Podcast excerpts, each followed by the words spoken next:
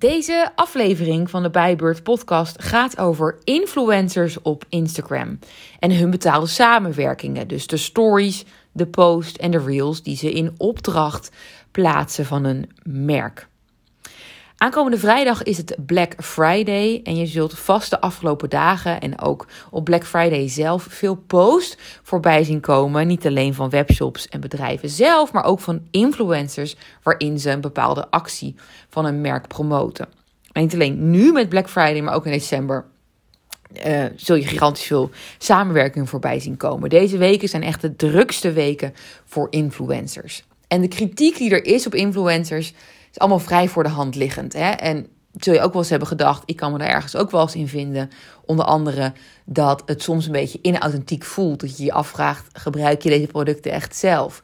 Of dat veel influencers dezelfde soort samenwerkingen hebben, waardoor je nou, van bepaalde merken soms wel 20 posts voorbij ziet komen allemaal heel erg logisch dat je dat denkt. Maar ik wil toch ook eens de andere kant van de puzzel belichten. Het klinkt nu wel heel groot, maar ik vind dat er ook een andere zijde is.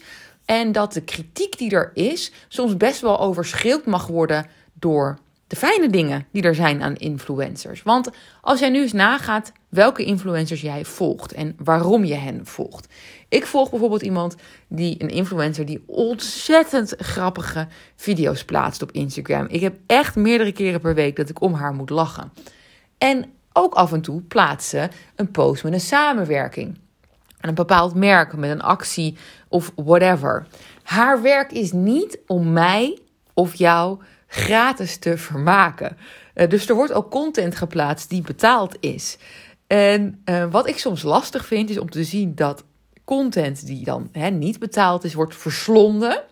In mijn geval dus door een grappige influencer, maar misschien wel in jouw geval volg je uh, iemand die beauty influencer is. En op het moment dat er dan een betaalde samenwerking is, of een video waarin een product of dienst wordt gepromoot, dan is het krekels in de comments.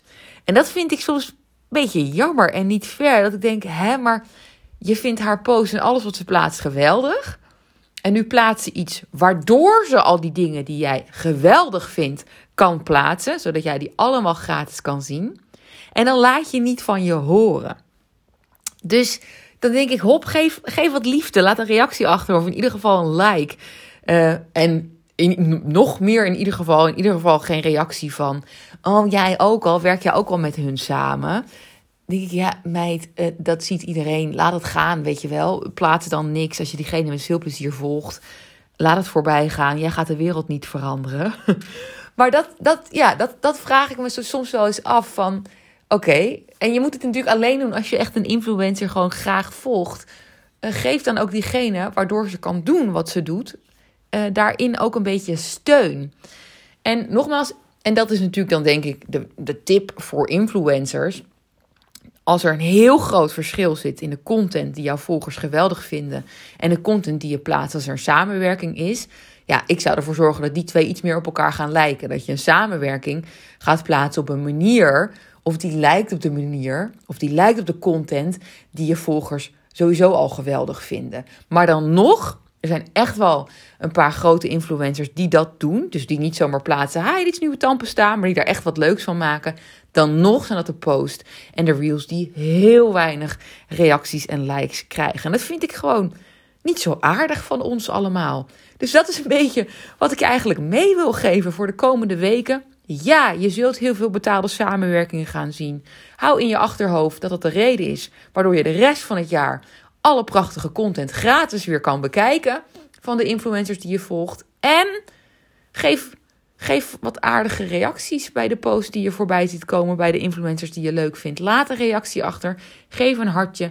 Steun ze in het werk wat ze doen, want jij hebt daar profijt van. Niet alleen zij. Dat was hem. Dank voor het luisteren. En je weet me te vinden op Instagram onder bijbeurt.nl.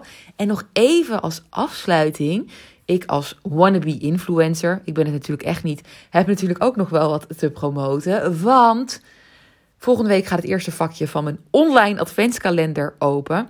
24 Days of Story Tips. Zijn 24 vakjes met daarachter 24 verslavende video's met de allerleukste tips om hele gave, opvallende Instagram stories te maken in de decembermaand. En de kers op de taart is dat veel van de tips het hele jaar door te gebruiken zijn in je stories. Na de adventskalender wil je niks anders meer dan mooie stories maken. En je kan tijdens het kijken van de video's die stories gelijk ook al maken. Dus het is echt ook nog eens hartstikke effectief. En je trekt met die hele gave, opvallende stories ook echt de aandacht van je volgers. Dus is en een hele leuke adventskalender. En je werkt aan je online zichtbaarheid. En je gaat de aandacht trekken van je volgers. Ticket is 36 euro. En kan je shoppen op bijbeurt.nl. Ik zal het linkje ook hier even in de beschrijving zetten. Dat was hem. Dank voor het luisteren. Bye.